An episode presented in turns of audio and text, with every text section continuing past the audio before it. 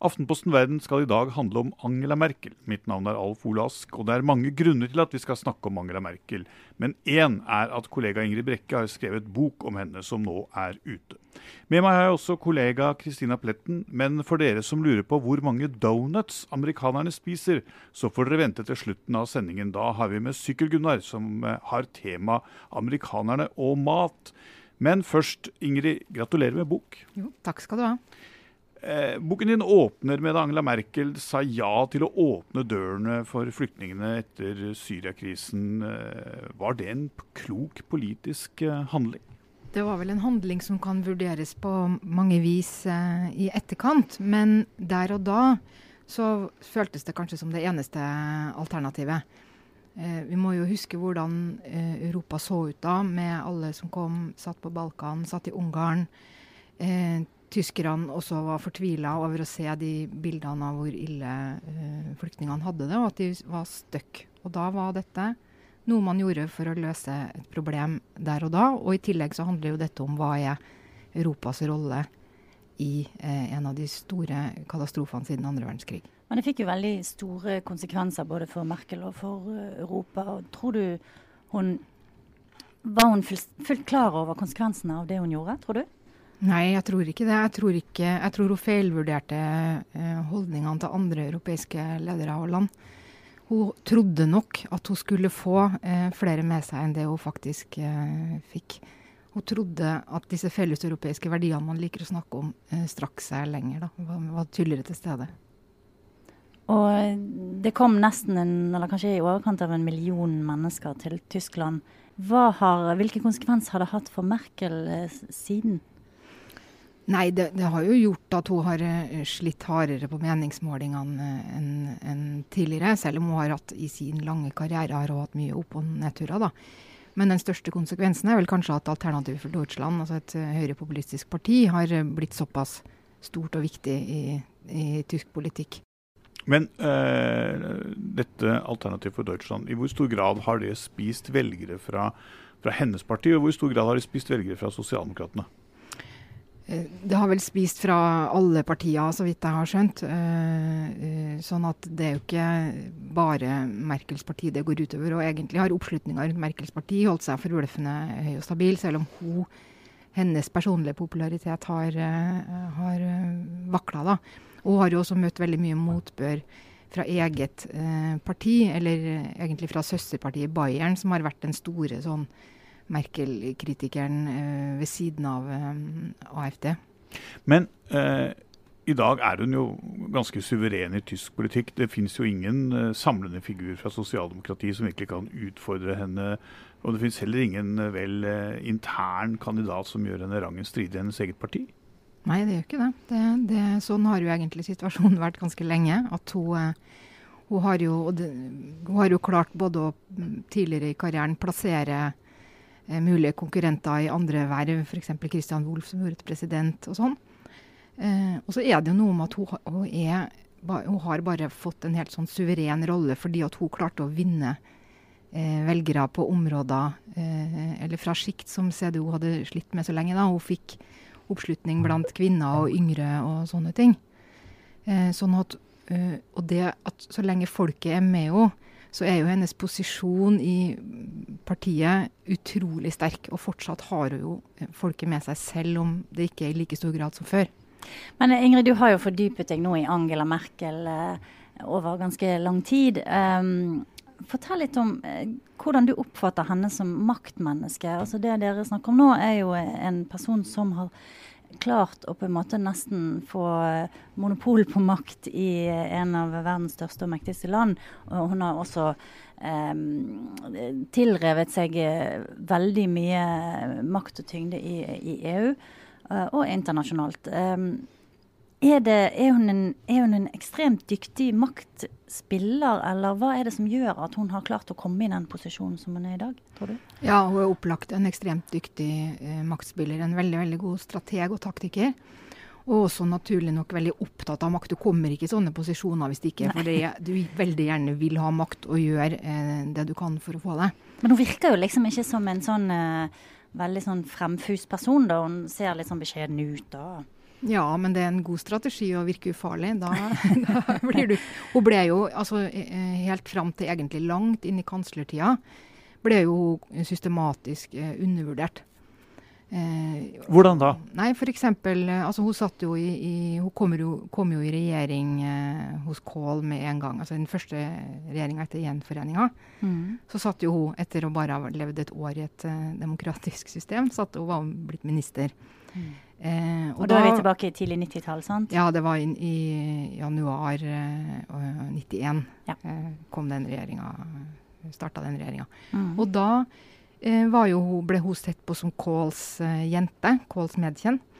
Eh, og ingen tenkte på henne som noe selvstendig individ som hadde noen agenda eller kunne noe. eller, eh, eller sånn, Og ble overhodet ikke tatt seriøst. Eh, og så ble hun jo da etter fire år miljøvernminister. Eh, og da, enda så sleit hun jo veldig mye med det at hun ikke ble tatt på alvor. og Hun hadde ikke de nettverkene de andre hadde. og Hun var fortsatt en sånn dame fra øst som man ikke trengte å bry seg så veldig mye med. Hun hadde ikke, ja, men så kom jo denne store pengeskandalen eh, i partiet CDO, som gjorde at eh, Kohl styrta og Merkel ga han den siste liksom, lille puffen. Og da viste hun den eh, som den strålende taktikeren ja, da, hvor fort hun da ble partileder, f.eks. Og, og uh, skrev et innlegg i avisa hvor hun liksom underkjente alt, uh, at Kål ikke lenger kunne være noen leder. Og satte seg selv inn som sånn uh, Se, jeg har jo rene hender, og, og, mm. og partiet må frigjøre seg fra Kål-æraen og sånn. Så, ja. men, er hun, men er hun en visjonær politiker, eller er hun mer en teknokrat? Og ingen visjonær politiker. Jeg tenker, jeg tenker på henne som en løsningsmaskin. Altså Teknokrat syns jeg er for, for uh, slemt eller hardt, eller noe sånt, fordi at hun er jo en realpolitiker. Og, men hun, hun kommer jo nettopp fra denne uh, bakgrunnen i DDR, hvor ideologi var alt. Og hun er veldig antiideologisk. Hun har aldri hatt noen store sånne glødende brannfakkelsaker som hun har holdt på med. eller noe sånt. Hun, hun, er på en måte i systemet for å løse uh, problemer. Og, og, jeg tenker, altså Når jeg jobba med denne boka, så er det det som går igjen igjen og igjen og igjen, helt fra hun nettopp hadde begynt eh, eh, i politikken i, i, 89, det er det derre eh, alltid finne løsninger. Altså du analyserer nøye hva er situasjonen nå, hvordan er faktisk verden, og hvordan skal vi da løse de problemene vi har, og hvordan skal vi komme dit det, det, målet vi har satt oss. Sånn holder hun på hele tida. For vi har jo sett uh, Merkel uh, nå gjennom mange år i situasjoner med med Sarkozy, med forskjellige greske statsministre, eh, der hun eh, stadig vekk eh, kommer i sånne krisemøter og krisesituasjoner, og det ender opp med at Angela Merkel alltid får viljen sin. er, det, er, dette på en måte en slags Du sier hun er en god taktiker, men har hun, har hun perfeksjonert denne løsningsorienterte politikerrollen, og er det noe nytt? Er det noe som, kan man snakke om en slags merkelisme eller en, en, en, ny type, en ny måte å drive politikk på? Og da jeg tenker at Det er nytt, eller det er i hvert fall veldig annerledes. da, fordi, Nettopp fordi at vi har forbundet det å være politiker så veldig mye med å tilhøre en, en ideologisk retning, mm. eller, eller eh, ikke, ja, ha noen, noen, ting du virkelig drømmer om å oppnå, eller et saksfelt, eller noe sånt. Men, men uh, hun, hun, er mye mer sånn at hun Altså Hun lytter til alle, finner ut av hva som er mulig, eh, syr sammen disse kompromissene. ikke sant? Og det, Derfor blir hun også veldig godt likt og respektert av andre politikere, fordi hun har så lite sånn personlig prestisje. Mm. Og da får jo de andre skinne, ikke sant. mens, hun, mens, hun, liksom sitter der. Og etter, um, hun har selv fortalt etter det Uh, før Tokyo, altså på uh, slutten av, eller midt på 90-tallet, mm. så had, leda hun et sånn kjempeklimatoppmøte i Berlin. Og etterpå var alle sure, men hun var blid. Og det var liksom målet da, på at hun hadde klart å få til et, uh, kompromiss, et godt kompromiss. Og sånn er det jo hun holder på, da. Men hvordan har hennes forhold vært til Altså, hun har jo nå sittet som kansler siden 2005. Eh, og eh, har jo overlevd, eh, hadde jeg nær sagt, tre Slitt med sin tredje franske president. hun kommer til å få sin tredje amerikanske president osv. før hun er ferdig. Hvordan, hvordan, har hennes forhold vært til alle disse mektige mennene?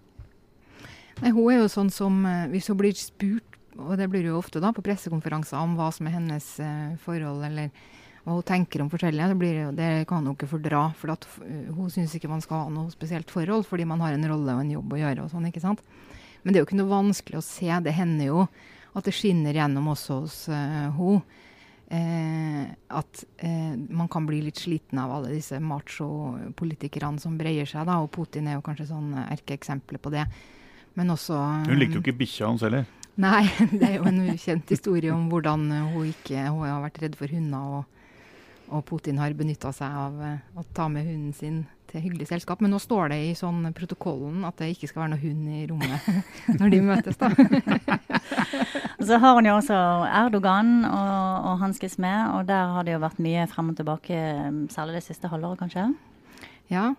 Eh, og, og, under når hun drev og forhandla eh, avtalen og holdt på å bygge opp denne flyktningavtalen, så var det vel veldig mye han nå avgåtte statsministeren hun eh, snakka med. Men det er klart at uh, Erdogan er en uh, utfordring for alle, også for, uh, for, Merkel, som jo egentlig fornærma han veldig tidlig ved å gjøre det så klart at hun ikke var noe interessert i at Tyrkia skulle inn i EU. Mm. Eh, så sånn sett så er det jo alltid ironisk hvordan eh, verden utvikler seg, og så ble plutselig hun stående som den som skulle ville det. Selv om hun jo ikke, det er jo ingen som tror at det er det som kommer til å bli konsekvensen. Men det å knytte Tyrkia litt nærmere eh, inn i EU med denne visafriheten og sånn, var jo en del av flyktningavtalen. Men vi må snakke litt om hennes forhold til Norge. Hun eh, gjorde jo stor furore, ikke minst i det mer kulørte pressen, da hun var her og åpnet operaen. En av de få gangene hun også hadde med seg sin mann. Hvordan er det forholdet hennes til eh, Norge? Nei, nå, nå jeg skulle si at hun var en norgesvenn, men det kan ja, man strengt tatt ikke da, si. Da får hun lusekofte og sånn. Nei, jo, Merkel har ikke vært uh, spesielt uh, mye i Norge eller, eller, sånn, men hun har jo hatt et veldig godt og nært forhold til Jens Stoltenberg. Mm. Uh, og forholdet mellom Norge og Tyskland har jo vært helt aldeles utmerket og sånn. Men, men, det er klart at for Merkel, som holder på med alle disse kriseløsningene, så er vel Norge og Norden mest en sånn lettelsens region, da, hvor det er et det er ikke noe du trenger å løse eller holde på med. Eh, men jeg bare tenkte når du først nevner det med operaen, så kan jeg fortelle en liten eh, anekdote som jeg syns er veldig festlig. Fordi dette med denne fine utringninga hun hadde på seg i operaen, det var jo ikke bare i Norge, det var jo også i Tyskland det ble mye oppsikt. Og da var Introducing Wondersuite from Bluehost.com. Website creation is hard. But now with Bluehost, you can answer a few simple questions about your business and get a unique WordPress website or store right away. From there, you can customize your design, colors, and content. And Bluehost automatically helps you get found in search engines like Google and Bing. From step-by-step guidance to suggested plugins, Bluehost makes WordPress wonderful for everyone. Go to bluehost.com/wondersuite.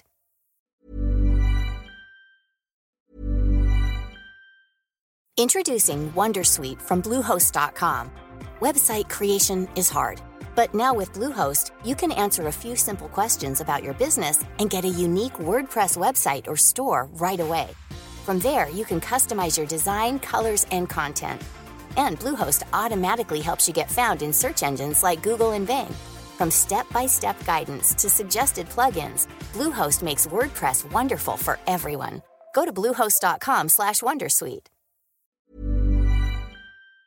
en partikollega av Merkel som kledde seg likedan og lagde valgplakat av seg selv og brukte eh, mottoet 'CDO har mer å by på'. Så dette en, har satt sine spor. Men eh, du nevnte Jens Stoltenberg. Det var jo hun som ringte til han eh, og spurte om han var interessert i å bli Natos eh, generalsekretær. Betyr det at eh, han er en generalsekretær etter hennes hjerte? Det vet jeg ikke hvordan, altså, hva Merkel egentlig tenker om, eh, og hva hun egentlig er i hjertet sitt. Det skal jeg ikke gi meg ut for å vite. Men, men uh, Stoltenberg er jo en politiker hun, hun opplagt har uh, sans og respekt for. Og når hun spurte han, så er det jo Jeg gjetter at det har f.eks. med hans avbalanserte forhold til Russland å gjøre, etter Fogh Rasmussen som kunne gå litt over stag. Mm. og at det er fint for hun og Tyskland og sånn å ha politikere som, som eh, har lang erfaring og skjønner systemet og alt dette her, da. Uh, I løpet av researchen din, um, er det noen som har overrasket deg veldig når det gjelder Merkel, eller har du på en måte fått snudd opp ned på noen av, av holdt på å si, fordommene dine, eller, eller, det du tenkte om henne før du begynte med dette arbeidet? Nei, jeg har vel kanskje, altså Noe av det man fort oppdager når man ser Merkel på pressekonferanser og uh, live og sånn noen ganger, er jo humoren. Eh, som vi ikke ser når vi ser disse korte, sinte klippene. eller sinte, kanskje overdrive, men at hun er jo alltid den strenge rollen som mm. bare klippes inn i to minutter for å si noe alvorlig. Men, men hun kan jo være veldig morsom, og alle journalister som har vært inne i, i, på mer sånn uh, underhåndssamtaler, eller politikere som har møtt henne, sånn, forteller gjerne det. da. Og hun skal være god til å parodiere, f.eks. Sarkozy. uh, sånn at eh, jeg skal ikke si at det overraska meg så mye, men det som overraska meg, var hvor, for et grunnleggende trekk den humoren er. fordi når man begynner å gå tilbake i tid, så ser man det egentlig sånn helt fra starten. Og hun var jo i den situasjonen at de første ti årene hennes i eh, tysk politikk, så ble hun kontinuerlig gjort narr av for klær og hår og sånne ting.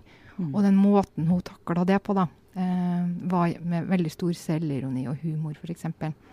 Så det, det, har vært veldig artig å holde på med. Eh, du nevner Sarkozy, og, og, og, før han eh, gikk av i begynnelsen av den eurokrisen, så var jo forholdet mellom Merkel og Sarkozy veldig sånn avgjørende og definerende for hvordan Europa eh, eh, hvordan EU svarte på denne krisen. Kan du si litt om det? det? Var det sånn at de virkelig ikke kunne fordra hverandre, eller hva Nei, tror du? Nei, det tror jeg ikke. Jeg tror ikke Merkel eh, er ikke et menneske som driver og ikke fordrar folk, tror jeg. Altså, det var nok ikke noe hjertelig, men, men, jeg var jo på pressekonferanser selv, og jeg tror de hadde et ganske streit og ryddig forhold.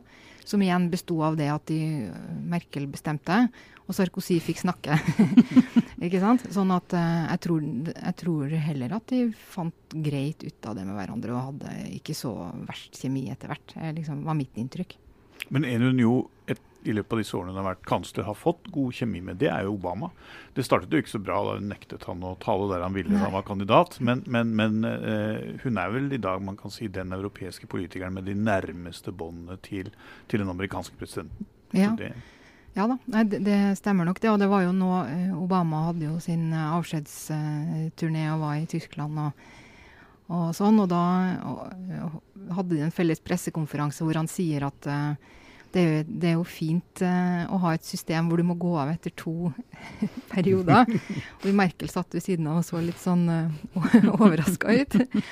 Men uh, så sa han masse fint om henne, hvor hun ble så smigra at hun mista tråden og sånn. Sånn at det er tydelig at de har fått en atskillig bedre tone. Men, men, i begynnelsen det tok jo hel, I den første perioden så kom jo ikke engang Obama til Berlin. Han var i Tyskland, men ikke Berlin. Så, ja. eh, Tyskland skal jo ha valg til neste år. Um, og Merkel har jo hatt problemer med populariteten, særlig pga. flyktningstrømmen. Hvordan uh, ser du for deg uh, hennes rolle fremover? Uh, kan vi se for oss at hun vil bli værende dersom hun blir gjenvalgt i, i ti år til? Ja, Tror du hun vil det? Jo, dette er jo alltid det artigste, artigste å drive og spekulere i framtida. Altså for det første så har hun ikke sagt en at hun stiller til valg. Jeg er ganske Nei. sikker på at hun skal stille til valg, fordi at eh, partiet rekker ikke å stable noen andre på beina. og sånn. Mm. Så det skal hun nok. Og hvis hun stiller, så kommer hun til å vinne og bli kansler igjen. Fordi CDO er så mye større enn alle andre, så uansett koalisjoner, sånn, så blir det de. Og da blir det hun. Mm. Eh, men jeg innbiller meg altså Hun var jo Hun satt jo selv eh, Hun begynte jo selv sin karriere med en kansler som satt og satt og satt, og de aldri ble kvitt, nemlig Kohl. Hvor mm. hun selv måtte liksom puffe han utfor. Mm.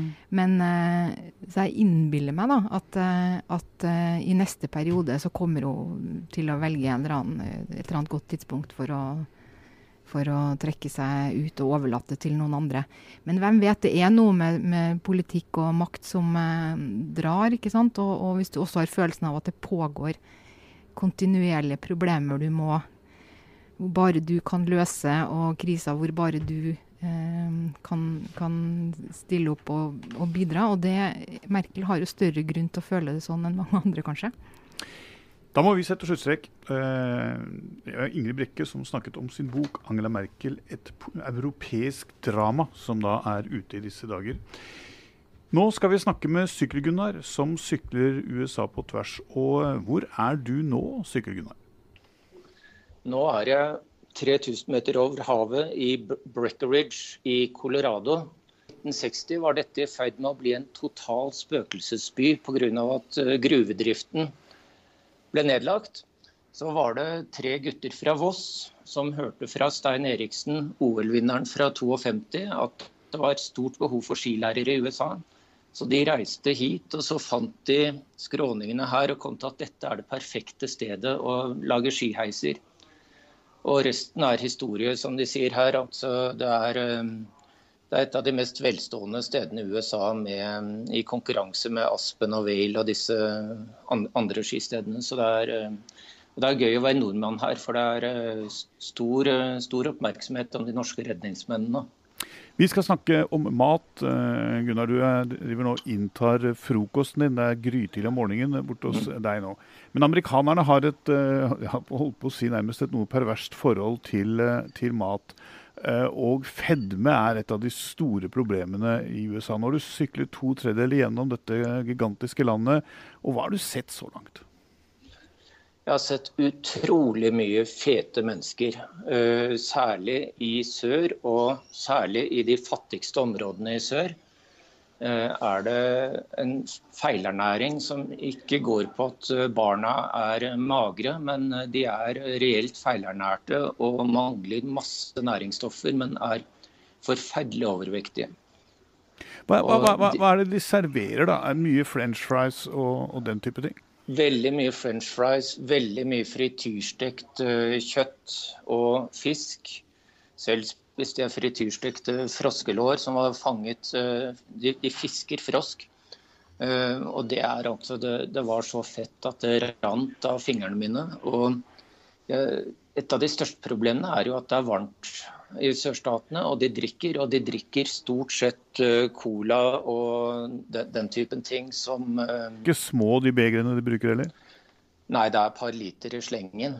Og um, på mange restauranter er det sånn at du betaler for å bruke brusfontenen. Og da kan du gå og fylle på så mye du vil.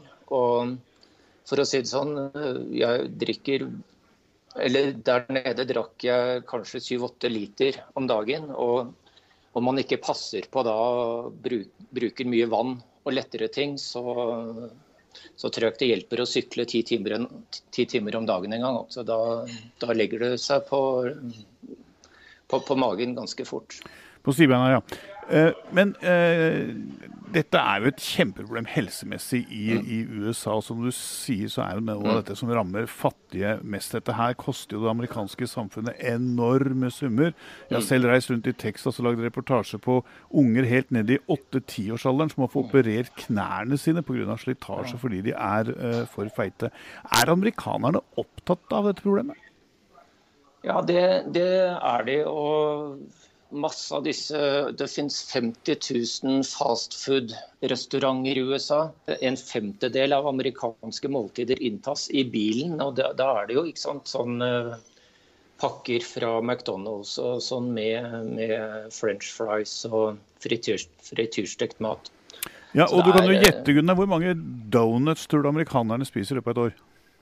Ja, Det så jeg et tall på, men det, det husker kanskje du. Men det, det, var, det, var, det, var, noen milliarder, var det ikke det? Ti milliarder donuts, ja. og alle sammen har en, minst en centimeter glasur av, av melis ja. på toppen. Ja, og det er klart at uh, I en kultur hvor man da heller nesten ikke beveger seg annet enn ut og inn av bilen, så, så blir det et kjempeproblem. Det er... Uh, Uh, uhyre sjelden man har lagt fortau langs gatene i amerikanske middelstore byer, fordi at folk, folk går ikke. Men hva, hva, sier, hva, sier de til deg når det kommer da en uh, fortsatt forholdsvis ung mann fra Oslo syklende? Ja, det, det, vekker jo stor oppmerksomhet. og Det var derfor jeg fikk smake ny, nyfangede froskelår. At de rett og slett lurte på hva jeg var for en raring. Så de ropte på meg. Jeg var første gang var første gang de møtte en som var fra utenfor USA, så de syntes det var kjempespennende. og da, da, jeg sa at froskelårene var gode, og det, det, var de, selv om de var veldig feite, så fikk jeg så mye mat og servering, og kreps hadde det. òg. så det er, det er, utrolig vennlige mennesker. Og også de som ikke har eh, særlig mye å rutte med, er altså så spandable og hyggelige. Har du også den samme erfaringen som jeg hadde de årene jeg reiste rundt i USA, at uansett, det er hyggeligst i sør? Ja, absolutt. Uh, nå er jeg i Colorado i denne byen som da takket være gutter fra Voss har blitt usedvanlig velstående.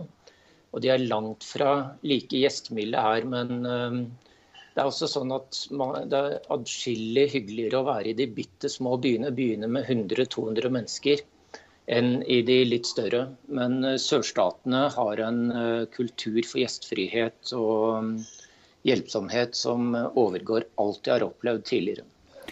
Hvor går ferden nå, Gunnar? Nå skal jeg videre nordover. I dag forhåpentligvis en 11-12 eh, mil nordover til noe som heter Hot Sulphur Springs, hvor jeg kan få vasket med ordentlige varme kilder. Da følger dere alle sammen selvfølgelig Sykkel-Gunnar ja. på Facebook. Og vi sier takk til deg nå i denne omgangen. Dette var det vi hadde i eh, denne sendingen. Du kan eh, følge vår utmerkede utenriksjournalistikk på alle plattformer. Vi er fortsatt på Facebook og Twitter, vi. Ja, du kan til og med få oss på, en, eh, på papir i en postkasse nær deg. Takk for oss. Vi er tilbake om en uke.